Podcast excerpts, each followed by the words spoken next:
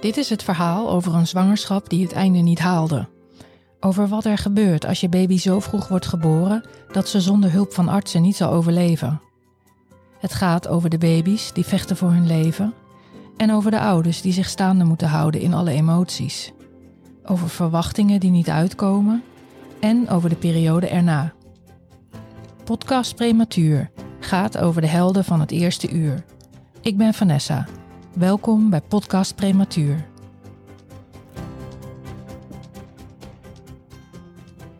Voor mijn persoonlijke project Waarom eet mijn prematuur zo moeizaam? praat ik in deel 2 met diëtiste Marloes. Zij komt thuis bij gezinnen en gaat aan de slag met zowel ouders als kind. Hier is Marloes.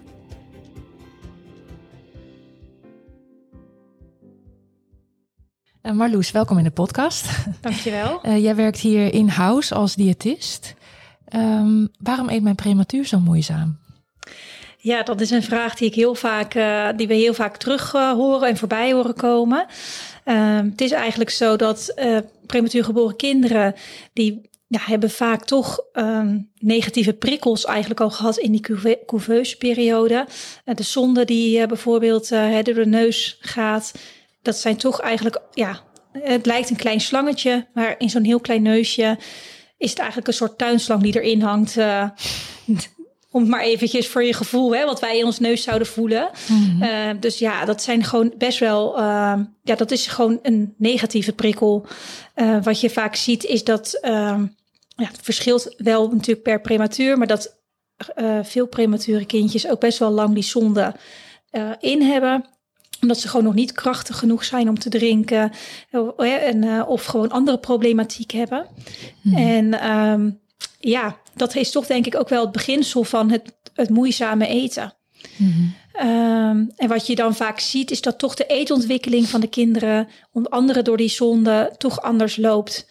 Ze, um, en daarnaast, wat, ook vaak, wat ik vaak zie in mijn werk een rol speelt, is dat ook de prikkelverwerking in de mond soms een rol, ja, tenminste een andere, uh, ja, eigenlijk er anders uitziet, waardoor ook vaak structuren um, of andere smaken lastiger geaccepteerd worden dan a kinderen.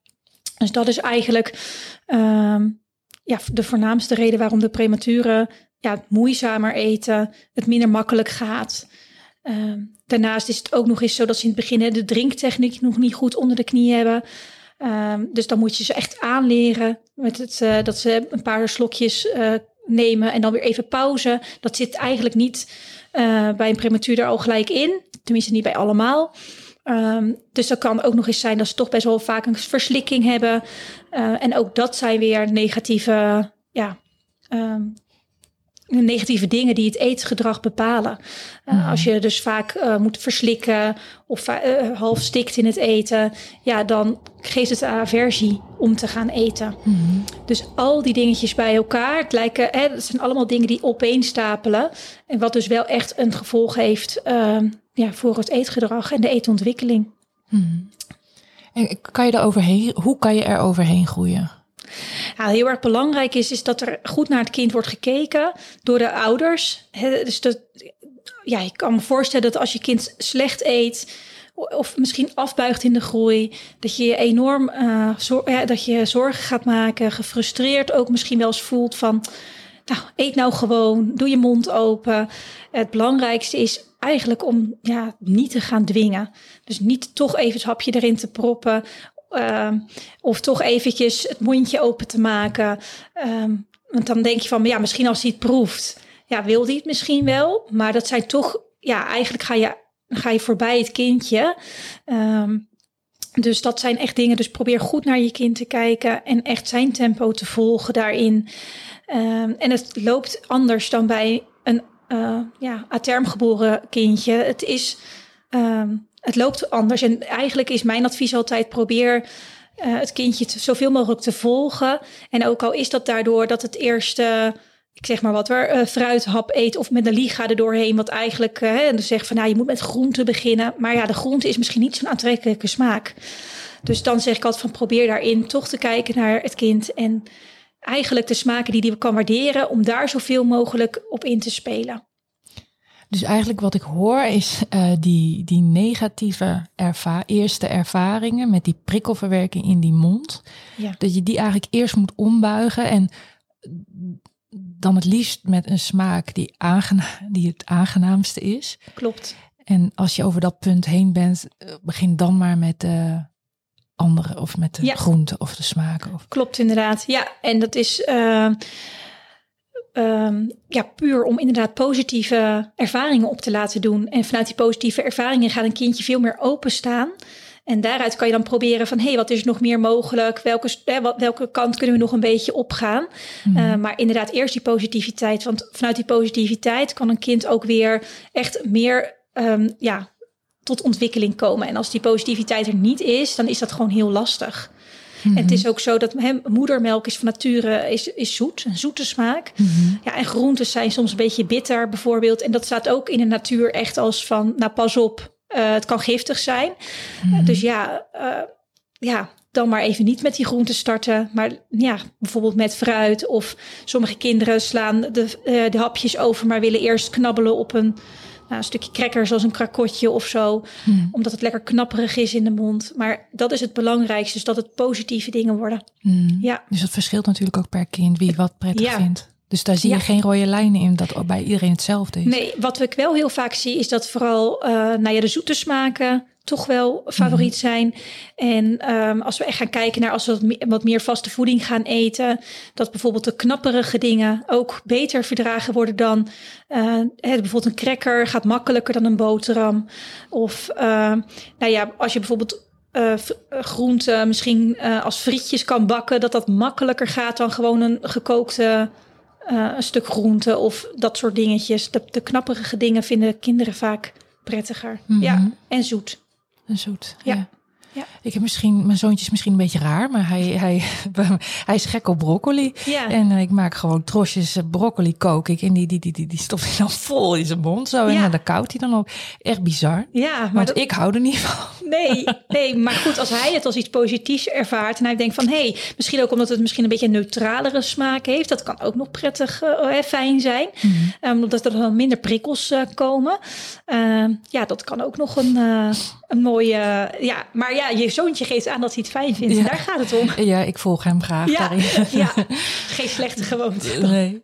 Nou ja, wij zijn natuurlijk ook. Uh, we liepen natuurlijk ook een tijd met een diëtist, althans die keek met ons mee. En, Ja. um, maar uh, ik heb het idee dat, uh, dat, dat jouw werk net eventjes anders is. Hè? Want zij zit dan in het ziekenhuis en jij zit dan hier ook in huis. En jij komt ook bij mensen, bij gezinnen thuis, of niet? Ja. Klopt. Ik kom bij gezinnen thuis die uh, echt wel langer al problematiek hebben rondom het eten. Um, en wat we dan echt gaan doen, is dat we um, in een gezinssituatie komen om te kijken van hé, hey, wat gebeurt er allemaal?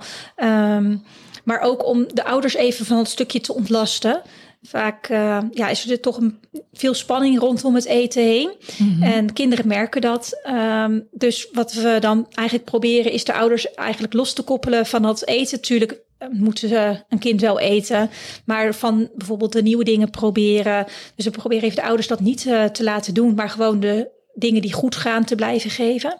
En wat ik dan doe is eigenlijk um, ja, heel stapsgewijs met kinderen kijken van hey, um, ja, hoe, ga, wat, hoe, gaat, hoe, hoe, hoe, eten ze?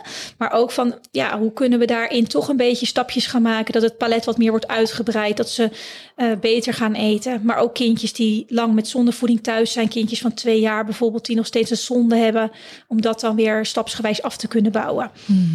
Maar het is eigenlijk een, lang, ja, het is een best een langdurig traject. Dus het is niet zo van, nou, in twee, drie maanden zijn we klaar. Mm. Het is vaak echt kijken van, Um, ja, waar is het kind? Eerst een vertrouwensband opbouwen met het kindje. Mm-hmm. Door uh, leuke dingetjes te doen, een spelletje of naar de speeltuin te gaan. En vanuit daaruit ga ik eigenlijk heel stapsgewijs de voeding introduceren. En dan begin ik ook eerst met de dingen die goed gaan. En dan van lieverlee, ja, probeer ik er toch een beetje dingetjes in te fietsen. Uh, door bijvoorbeeld samen uh, groentepannenkoekjes te maken of samen groentefrietjes. Om dan daarin toch een beetje ja, het eten uit te gaan breiden. Mm. Ja. Dus ik zie het echt zo voor me dat je dan met een tas met boodschappen aankomt en, uh, en veel tijdens avond dinermomenten er bent. Of juist tijdens de lunch of uh, dat afwisselt, zoiets? Ja, klopt inderdaad. En ik probeer ook wel dingen juist, uh, hè, dus, of soms mee te lunchen en dan met z'n allen te doen. Maar soms ook wel echt te zeggen van oké, okay, kom juist bewust niet op die momenten. Omdat dat best al vaak beladen momenten zijn. en de spanning van de ouders er toch wel vaak is. Uh, wat heel begrijpelijk is. Maar dan juist eigenlijk het net even daarvoor te pakken. dus bijvoorbeeld uh, net even een uur daarvoor om dan aan de slag te gaan van wat is er. Uh, ja, om, om op die momenten eigenlijk de therapie in te zetten. Mm -hmm. en dan is er daarnaast ook weer van, als ze dan bij mij alweer wat gegeten hebben of een, een stap hebben gemaakt in ouders, zie je al van dat ouders dan bij de maaltijd zelf denken van nou, hè, mijn zoon of dochter heeft al, uh, die is al ermee bezig geweest. Dus dan kunnen zij het ook echt meer laten rusten. Mm -hmm. Ja, mm -hmm. maar inderdaad, er komen veel boodschappen mee. Ja, ja. Hey, en uh, de spanning van de ouders, ja. hoe uitzicht dat? Kan je dat eens omschrijven? Nou ja, soms worden ouders. Uh, de ene bij ouders, sommige ouders zeggen gewoon helemaal niks. En ja, die zitten hè, elkaar bij nou, elk woord boos aan te kijken van uh, pas op, want nou ja, dat mag, daar mag niks over gezegd worden. Wat je ook wel eens merkt is dat ouders toch wel heel erg over het eten aan het praten zijn ook tegen het kind. En of overdreven, nou, hè, over, tenminste meer van oh wat is het toch lekker vandaag, heb je al een hapje geproefd? En hè, dus eigenlijk het heel erg, ja, ze proberen het positief te verkopen, maar op een dusdanige manier dat het echt een beetje too much is. Um, dus het eigenlijk een beetje twee kanten. Dus ja, dus eigenlijk of het echt helemaal negeren, maar dan wel met een bepaalde spanning op het gezicht. En vaak de ouders onderling. Uh, dat ze elkaar echt wel blikken toe kunnen werpen daarin. Mm -hmm. Of je ziet echt dat, dat er echt een, op een overdreven manier over het eten gepraat wordt. En dan ja, dat het ook uh, ja, dat het toch wel ook weer heel beladen wordt daarin. Mm -hmm. En soms ook toch wel spelletjes erbij halen, alles erbij halen om je kind maar te laten eten. He, dus, uh, is dat niet iets wat je zou adviseren? Nou, kijk, sommige kinderen zijn er gevoelig voor en het kan best. Alleen, ik zeg altijd wel van, je maakt het dan wel daardoor een heel ding. Dus door een heel circus te maken, krijg, leert het kindje wel van, oké, okay, het is, het is, um, ja, het heeft toch wel een bepaalde vorm van, uh, krijgt best wel veel aandacht ermee. En als je zegt van, nou goed, ik doe uh, af en toe kiekeboe of het treintje, doe je mond open dat is helemaal prima. Alleen het is wel zo dat er ook kinderen zijn die het heel erg kunnen uitgaan spelen. En dan eigenlijk voor zorgen dat er steeds meer bij komt. En dat je straks een uur met het eten bezig bent. Ja, en dat heeft toch ook weer niet de voorkeur. Dus um, ja, het advies daarin is wel van een klein beetje afleiding is prima. Mm-hmm. Maar je hoeft niet echt alle toeters en bellen uit, uh, bellen uit de kast te halen om het kind maar te laten eten. Mm-hmm. Want uh, ja, uiteindelijk dan werkt het even. Maar vaak zie je dat verlieverleden dat ook niet meer werkt en er steeds meer nodig is voor hetzelfde effect eigenlijk. Mm-hmm. Net als bij een verslaving. ja. Is het op een gegeven moment ook niet genoeg? Nee. nee en eigenlijk wil je het eten ook gewoon een soort van, ja, het is gewoon eten, punt, klaar. Ja. Want ja, dan maakt het ook minder beladen allemaal. Ja, dus het zou ook eigenlijk gewoon elke dag hetzelfde moeten gaan. Zo van, nou, uh, ik heb het eten klaar. Dat heb ik nou twee keer gezegd. Het eten is klaar. We gaan aan tafel. Ja, ja, precies. En dat dan, is ook heel uh, voorspelbaar voor kinderen dan. Ja, nou, dan mag hij zelf op zijn stoel klimmen. Ja. Vindt hij leuk. Maar ja, dan, uh, ja, dan krijg ik het al benauwd. Oh, god, ja. het eten staat op tafel. Ja. ja. ja, die eerste hap. Ja. En dan doet hij alles. Dan gaat hij vragen om drinken. Ja. Nou, ik ben mijn theorie is geen drinken bij het eten, want dat vult je maagje en dan is er minder ruimte over voor het eten. Zie jij dat ook zo? Ja, dat klopt inderdaad. We zeggen altijd van pas daar wel mee op. Ja, ja. ja. maar dat gebruikt hij nu. Hè? Hij is heel manipulatief in die zin al. Dus ja, lekker drinken, drinken. Ja. Heel vervelend, dan moet je nee zeggen. En het is ook, hij zit ook in de peuterpuberteit, dus dat wordt krijzen. En als een kind krijst tijdens dat één moment, dan is er alweer stress. Ja. Dus dan toch maar laten drinken. Nou, dat is al je eerste dilemma. Dan gaat het dan mis bij ons. Ja, ja wat je zou kunnen doen is bijvoorbeeld hè, dat je zegt van nou, ik doe van tevoren een heel echt maar een heel klein laagje. Toch een beetje drinken. Dat je echt duidelijk zegt van goh, dit is het drinken wat je krijgt. Hierna, als het op is, is, het, het klaar. Op? Ja. Hè, mm-hmm. Dan heb je in ieder geval dat punt uh, toch getackled. Dan, dan geef je in die zin, maar dan zet je het gewoon van tevoren eigenlijk echt. En dat, dan is het dat ook. Uh, dan niet als ouders zelf er wel volle glazen naast gaan zitten drinken. Want dat is, uh, dat is dan een, uh, ook wel heel lastig. En wat ook nog soms helpt, is eigenlijk van het kindje van tevoren eten te geven. Dus soms niet altijd met z'n allen om de tafel, omdat er best wel veel spanning dan bij komt kijken. Mm Het kind voelt die spanning, denk je, ja, hier heb ik een ingang. Of hé, hey, daar gaan we weer.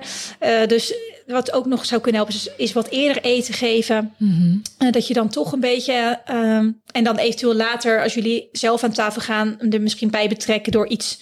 Nou, uh, te geven, nog een stukje fruit of iets wat goed gaat, bijvoorbeeld een crackertje of zo. Dat, je dan wel, dat je wel met elkaar het moment hebt, maar niet de spanning zo erg eromheen. Mm Ja. Ja, en dan, uh, nou, dan laten we hem uh, een auto over de tafel heen rijden. Hè? Want op het moment dat die auto rijdt en je gaat met die lepel naar zijn mond toe, ja. dan, dan komt die. Wij hebben het idee dat het dan automatisch gaat dan zijn mondje open. Ja, ja. Ja, dat kan, dat kan goed kloppen inderdaad. Dus dat hij dan de focus is dan niet meer zo op het eten voor hem. Hè? Hij is dan met die auto bezig om te kijken van, oh, die auto komt eraan. Uh, en dan gaat dat eigenlijk, uh, dan is ja, dan gaat die mond gewoon makkelijker open, omdat hij er gewoon minder over na aan denken is. Hij is mhm. minder met het eten bezig. Mm En dan heb ik ook het idee hè, dat, um, dat zijn, smaak, um, zijn, zijn smaakvoorkeuren um, ook continu nog kunnen veranderen. En ja. is dat inderdaad nog zo? Want hij is dan drie, hè, even die leeftijd. Uh, het ene moment, de ene dag, uh, lijkt het wel alsof hij iets verafschuwt. En de volgende dag, nou, dan eet hij in één keer een paar lepels achter elkaar. Ja, dat is ook een stukje die peuterpuberteit ook wel. Uh, die daarin een rol speelt van hè, hij wil zelf bepalen misschien of hij iets wil eten en hoeveel. Uh, dat is eigenlijk ook echt iets wat wel echt bij de leeftijd past bij de peuters. Ehm, maar ja, en het is wel zo dat die smaakpapillen in de mond, die veranderen nog steeds. Dus het kan best zijn hè, dat dat toch invloed heeft van hey, hij, ik hoor heel vaak bijvoorbeeld ouders zeggen, ja, maar hij heeft altijd, uh, ik zeg maar wat, altijd mango gegeten en nu wil hij niet meer. Ja, dat kan. Ja, dat heeft echt wel met ook met de smaakpapillen te maken. Mhm. Maar eh, als het echt een beetje per dag wisselend is, dat hij de ene keer bijvoorbeeld heel goed warm eten opeten en de andere dag er niks van moet hebben, zie je dat het ook vaak echt wel een stukje toch een beetje het uh, peutergedrag is. Mm Ja. Dus wat, wat, wat zou een juiste tactiek zijn? Want ik heb ook wel eens gehoord van dat er een soort therapie is, ook, ook in Oostenrijk, waar, waar, waar je op de grond hè, ja. allerlei uh, verschillende voedingsmiddelen neerlegt. En, en dan dat die kinderen er tussendoor hun vrije gang kunnen gaan en van alles en nog wat kunnen proeven. En ja. Is dat een goede? Nou ja, ik heb altijd wel zoiets van als ki uh, sommige kinderen kunnen heel ja, als je aan tafel gaat eten, wordt het echt een ding omdat het dan gewoon, ja, het is echt een eetmoment. Voor sommige kinderen kan het heel erg goed zijn om het juist op die manier structuur te bieden aan een maaltijd. En die hebben dat juist nodig om tot eten te komen. Maar je hebt ook echt kinderen die bij wijze van spreken na vijf minuten, ja, die kunnen gewoon niet meer stilzitten. Die gaan uh, die, ja, die gaan draaien, die willen van tafel. Dat, ja, als het een hele strijd om een kind van, aan tafel te houden, ja, dat is natuurlijk ook niet positief. Dus dan kan het soms beter zijn om dan te zeggen van oké, ik, ik laat het kind spelen en ja, dan het spelenderwijs laten eten. Zal je, als je de sites erop naleest, zou het absoluut niet de manier uh, zijn. Mhm. Maar ik denk altijd daar ook weer in, volg, het, volg je kind. Mhm. Want ik echt, als je daar een ingang in hebt, dan, ja, dan komt het veel meer en beter tot eten. Dan dat het allemaal zo uh, volgens de boekjes moet daarin. Mhm. En dat, we daar, dat je daarin misschien toch die spanning heel erg krijgt rondom die tafel. Ja, en dan is er ook geen bal aan om te eten. Ja, dus dan houdt het kind er op een gegeven moment mee op. Dus misschien proberen te gaan picknicken in de woonkamer een keer. Ja, je kan ook gewoon zeggen van met elkaar van... goh, ik zet eens wat lekkere hapjes op tafel. En wij zitten eh, ook een keertje bijvoorbeeld op de bank een beetje met hapjes te eten. En, en mijn kind speelt en die neemt ook af en toe bijvoorbeeld een hapjes dat je het met elkaar doet. Hmm. Uh, dus, en, uh, ja, en wat ook goed is, is een beetje dat messy play. Dus dat je zegt van goh, ik uh, laat mijn kind eens lekker met zijn handen door het eten gaan. Eh, lekker smeren met pindakaas of slagroom. En ja, ook daar op die manier met eten, op een leuke manier met eten bezig zijn. En dan mhm. wellicht verdwijnt er ook wat in die mond. En is dat een positief, uh, ja, is het een positieve ervaring voor een mhm. kind? Mhm. Ja. Heb je ook korte, korte lijntjes met andere specialisten waar je eventueel naar doorverwijst of die je erbij betrekt in een gezin als je iets ziet? Ja, wij, uh, nee, sowieso heb ik altijd contact ook met de kinderarts als ik dingen heb waarvan ik denk, hey, uh, moeten we hier wat mee? Of ik maak me zorgen ergens over. Maar waar we ook uh, veel mee samenwerken met de logopedist en met, uh, ja, met logopedie en de ergotherapie. Ook met, op het gebied van de prikkelverwerking kan een ergotherapeut goed meekijken en het beter in kaart brengen. Um, en de logopedist kan soms echt helpen als ik twijfel over: hey, kan een kindje wel goed kauwen? Um, is er kans op verstikkingsgevaar? Hè, dus eigenlijk van hoe, ja, waar is een kind aan toe en wat kan het allemaal? Dan kan de logopedist altijd heel goed in meekijken. en het mooie daarvan is weer als je het met snallen doet, is dat je eigenlijk een compleet, ja, toch een compleet beeld hebt van een kindje. En ook een beetje weet van hé, hey, waar, ja, waar kunnen, kunnen we rekening mee houden? En, wat, en wat kan gewoon eigenlijk daarin? Mm -hmm. Ja, dus dat je eigenlijk beter bij het kind aansluit. Mm -hmm. Dus dat is een uh, mooie samenwerking. Mm -hmm. Kan je concrete voorbeelden noemen van situaties die je zijn bijgebleven? Met de samenwerking bedoel je? Of? Ja, of bij kinderen in een gezin. Of ja, ja die je echt. Ja. Ik, had, ik heb een jongetje gehad die uh, toen ik in het gezin kwam, toen had het jongetje nog geen zonde. Okay. Uh, maar het eten ging heel moeizaam. En, uh, ja, en dat jongetje kreeg voornamelijk vloeibare voeding. Maar dat werd er ook wel echt ja, een beetje onder dwang. Ja, gaven ouders dat. Omdat hij anders gewoon zijn mond niet open deed. Um, en uiteindelijk is toen besloten, omdat het kindje zoveel afviel uh, en toen was hij ziek, toen is de zonde teruggeplaatst. En uh, om te besluiten, toen is er besloten van oké, alle druk rondom het eten eraf. Uh, nu echt volledig over op de zondevoeding. En toen ben ik wel in het gezin gebleven heb ik eigenlijk eerst gewoon een vertrouwensband met het jongetje opgebouwd. En um, ben ik gewoon heel stapsgewijs tijdens een uitstapje een keer naar een McDonald's gegaan.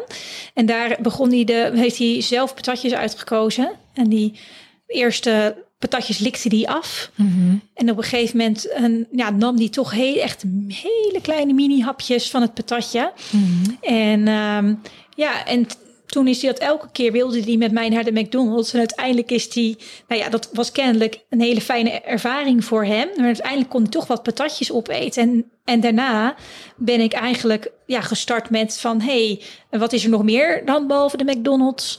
He, dus dan hebben we ook... Um, bijvoorbeeld. En dan zijn het wel voornamelijk lekkere dingen die hij dan wel echt uitkoos. Uh, hij, hij, ontdekte bijvoorbeeld ook appeltaart. Uh, wat hij nog meer heel erg lekker vond was een milkshake. Um, dus zo en ook een koekje of een chipje uitkiezen ging hij doen. Dus dat ja, werd eigenlijk steeds meer. Mm. En um, op een gegeven moment kon, kon hij ook veel beter drinken. En is die overgegaan op, uh, nou, in plaats van zondevoeding, heeft hij drinkvoeding gekregen. En is die na een jaar toch weer zondevrij geworden. En, uh, ja, en nu is hij gewoon steeds. Uh, hm. ouders, ik heb het afgerond met ouders en hij eet nu bami oh. en pizza wow. en appel. Dus dat is gewoon superleuk. Ja. Dat is echt heel mooi. Ja. Maar ook die ouders gaven ook aan van ja, ja, weet je, het heeft echt bij hem wel een jaar geduurd voordat ze het vertrouwen erin hadden van oké, okay, het komt er wel. Mm -hmm. Ja, maar dus het was voor hen lastig om los te laten. Ja, ja. Ja. maar ze, ze gaven ook aan, doordat ze wisten van er is mee bezig en ze merkten dat er stappen werd, hè, stapjes werden gezet en dat het jongetje ook eh, eten positief ging linken aan plaatsen. Dus de McDonald's was iets positiefs geworden. De kinderboerderij waar we die appeltaart hadden gegeten was ook iets positiefs. Mhm. Hadden ze wel het idee van hé, hey, er zit echt wel een positieve ontwikkeling in. Mhm. Ja, en als ik dan nu hoor wat hij allemaal doet en proeft en probeert, is dat heel, ja, is gewoon heel mooi om te horen. Ja. Ja, ja. dus dat is me wel echt heel erg bijgebleven. Ja. Ja. En hebben, hebben die ouders daar zelf ook uh, hulp bij gekregen of dat was niet nodig? Ja, ouders die uh, hebben dan wel binnen het Heldenhuis hier um, hulp gekregen op psychologisch vlak. Mm -hmm. Om daar toch uh, ja, ook gesprekken over te hebben. Mm -hmm. um, en elke keer ook wel van ja, toch te zorgen, de onrust weg te nemen. Mm -hmm. En um, daar heb ik ook wel als ouders, hè, als ik daar aan huis was en ouders hadden vragen. Of ja, dan hebben we het er wel heel de tijd met elkaar over van goh, ja. Hè, ook als er even verdriet was, dat we het wel met elkaar bespraken. Want dan merk je als je het met elkaar bespreekt, dat ook de spanning weer ja, toch afneemt. Mhm. Mm -hmm. En hoe minder spanning, ja, hoe beter eigenlijk voor die hele situatie. Geweldig is dat eigenlijk, Ja. hè? Dat ook ieder, dat die specialisten allemaal hier onder één dak zijn. Ja, en dat je zo, die lijntjes zo kort zijn, dat je elkaar cliëntenbestand hebt. Het is echt, uh, Ja, dat is gewoon, je kan daardoor zo effectief werken eigenlijk.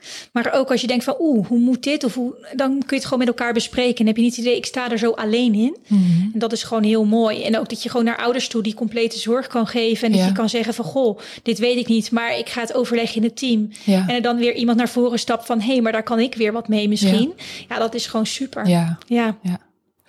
En je noemde net iets over toen eh, van het jongetje, hè, dat, eh, dat er ook qua eh, drinken, drinkvoeding Ja. bij werd gegeven. Ja. Ehm, want ik zei net, hè, wij hebben een andere ervaring met diëtisten.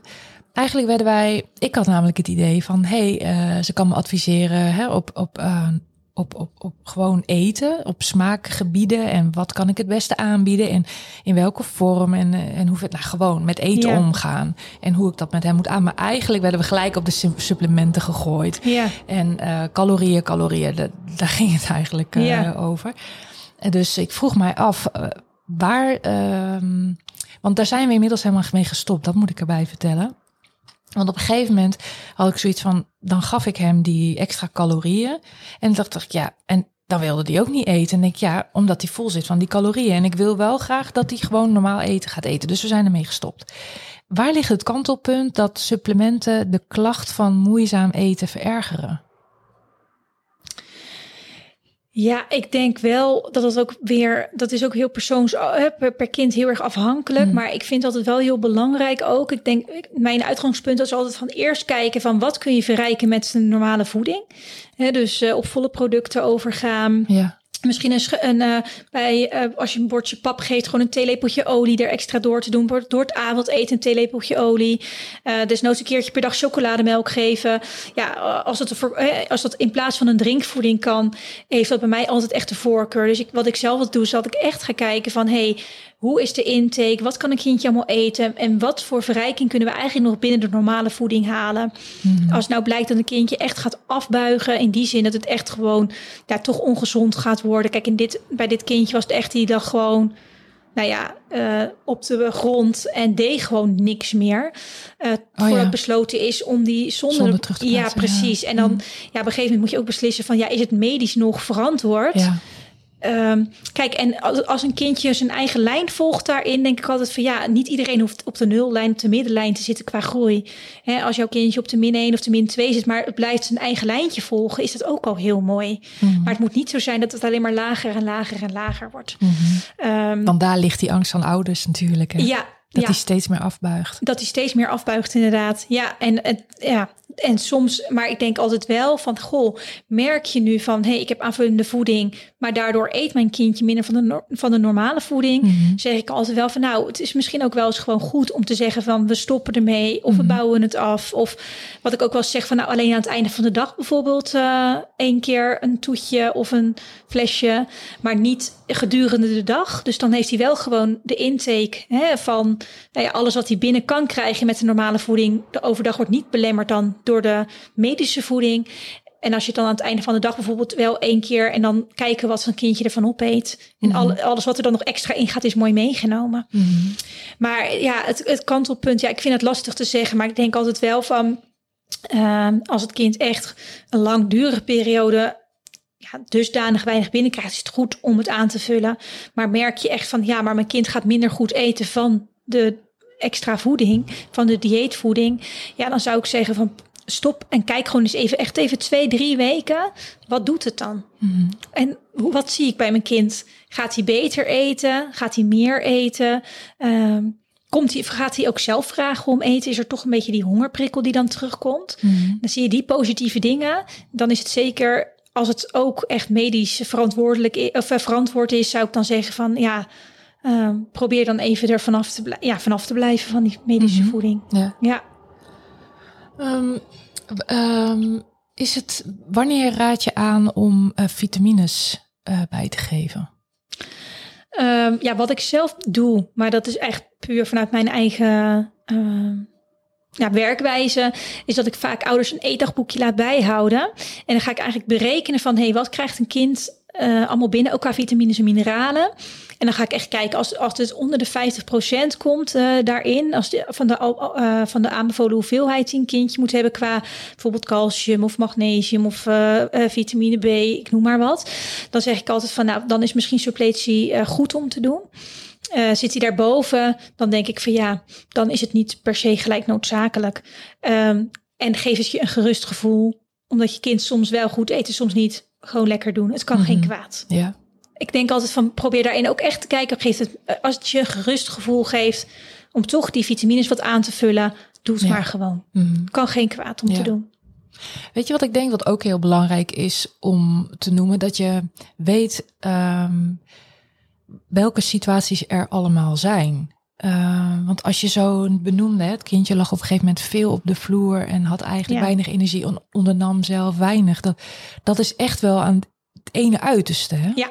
En als je je dat beseft, um, want in de podcast hoor ik natuurlijk ook veel verhalen. En er zijn gewoon echt kinderen die gewoon echt niet willen eten. Ja. En zelf ook nooit uh, op eigen initiatief om eten vragen. Dat denk ik wel eens. Dan denk ik van ja, mijn zoontje die, die zegt, die komt naar me toe. En ook al zegt hij, hij wil een cakeje of chocola of hè. Ja. Maar hij zegt ook wel eens, ik wil een banaan. En dan denk ik van ja, je eet misschien niet zoveel als hè, zou nee. kunnen, maar er is ook een andere uiterste. Ja, zeker. Ja. En ik denk altijd van, ja goed, als je kindje toch vraagt om bepaalde dingen, wat je zegt, en is het in de ene keer een cakeje, en, en als het ook een keer een banaan is, geef gewoon dat cakeje. Ja. Want geef dan, laat je in ieder, dan laat je in ieder geval het kindje merken van, oké, okay, je mag toegeven aan die hongerprikkel. Mm -hmm. Want daar moet hij naar gaan leren luisteren. Het is, het, ja, het is natuurlijk bij een prematuur geboren kindje ligt dat toch een beetje anders. Hè? Het, het, het is op bij elk kind wel dat je misschien op vaste tijden, maar sommige kinderen krijgen natuurlijk op verzoek borstvoeding. Uh, daar, die kinderen leer je ook luisteren naar, nou ja, een, hè, een hongerprikkel en een verzadiging. Mm Mhm. -hmm. En bij premature kindjes is, kan dat best wel verstoord zijn, omdat ze toch, toch uh, ja, met z'n allen op een zaal liggen. Um, ja, dan wordt er op gezette tijden voeding gegeven. Kijk, en ja, het is niet altijd dat er uh, alleen gekeken kan worden. Ook gewoon qua personeel niet. Van, oh, is het kindje nu toe aan een voeding, ja of nee? Mhm. Mm -hmm. uh, want in de nacht, ja, ben je als ouder er natuurlijk niet bij. Kijk, overdag kan, het misschien, kan je daar misschien als ouder... Terwijl dat ook super moeilijk is, want er zijn Mhm. mm -hmm. natuurlijk zoveel dingen waarvan een kindje onrustig kan zijn. Hè? Uh, maar ja, ik denk altijd van dat, heeft, dat moet een kindje ook gaan leren. Mm -hmm. Dus probeer als het inderdaad ook een keer om iets ongezonds vraagt, geef het maar gewoon. Mm Mhm. -hmm. Mag best. Mm -hmm. Ja, ik denk dat dat wel heel belangrijk is. Ja. Tot slot, wat zou je ouders van prematuren die moeizaam eten willen meegeven? Uh, wat ik graag zou willen meegeven is dat ik uh, uh, dat je kijkt naar je kind en uh, probeer echt het dwingen van eten of het er toch in te stoppen, ondanks dat je kindje niet wil of zijn hoofd wegdraait. Het ja, gewoon echt niet te doen, want je maakt het probleem er groter mee. En, um, en ja, het is, je, uh, je kind eet misschien anders dan, dan de, de buurkindjes of de kindjes van je broer of zus of noem het maar op. Maar ja, probeer echt je kind te volgen in wat hij aangeeft. En als die uh, bepaalde dingen lekker vindt, daarin mee te gaan en vanuit de positiviteit uh, te kijken, hè, om, om daaruit te gaan opbouwen naar dat eten. En dat is heel belangrijk, die positieve ervaringen. Want als je die hebt, dan staat een kindje open om toch die eetontwikkeling verder uit te gaan breiden. Hmm. Ja, ja. dankjewel. Graag gedaan.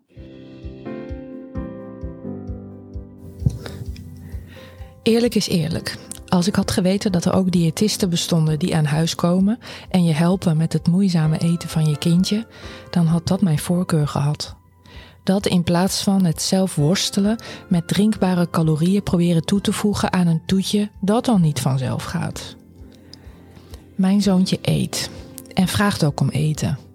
Er gaat een boterham in met roomboter en hagelslag, soms eentje met een plakje worst. Pannenkoekjes, snoeptomaatjes en komkommers, wortels en broccoli en met moeite spaghetti-sliertjes. De broccoli gaat er makkelijk in, maar de aardappels, frietjes, pennen, pasta met saus of wat dan, wat we dan ook eten s'avonds, daar moet hij niks van hebben. Ik begrijp het gewoon niet. Waarom wel broccoli en geen frietje? Eerst dacht ik, kleine hapjes proberen, dan krijgt hij geen kokhalsneiging. Maar dat is ook niet dé oplossing. Eén ding heb ik wel begrepen en ervaren: dat dwang, spanning en stress aan tafel averechts werkt.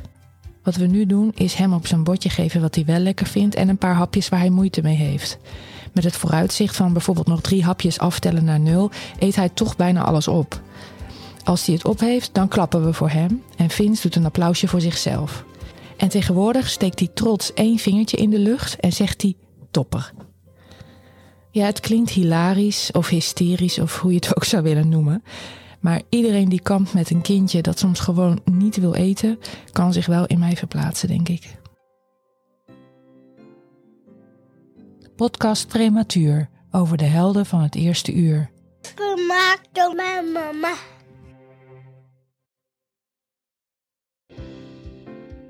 Leuk dat je hebt geluisterd naar deze aflevering. Met deze podcast heb ik als doel ouders te helpen met een stukje herkenning en daarom troost. En iedereen eromheen met een inkijkje in de belevingswereld van ouders.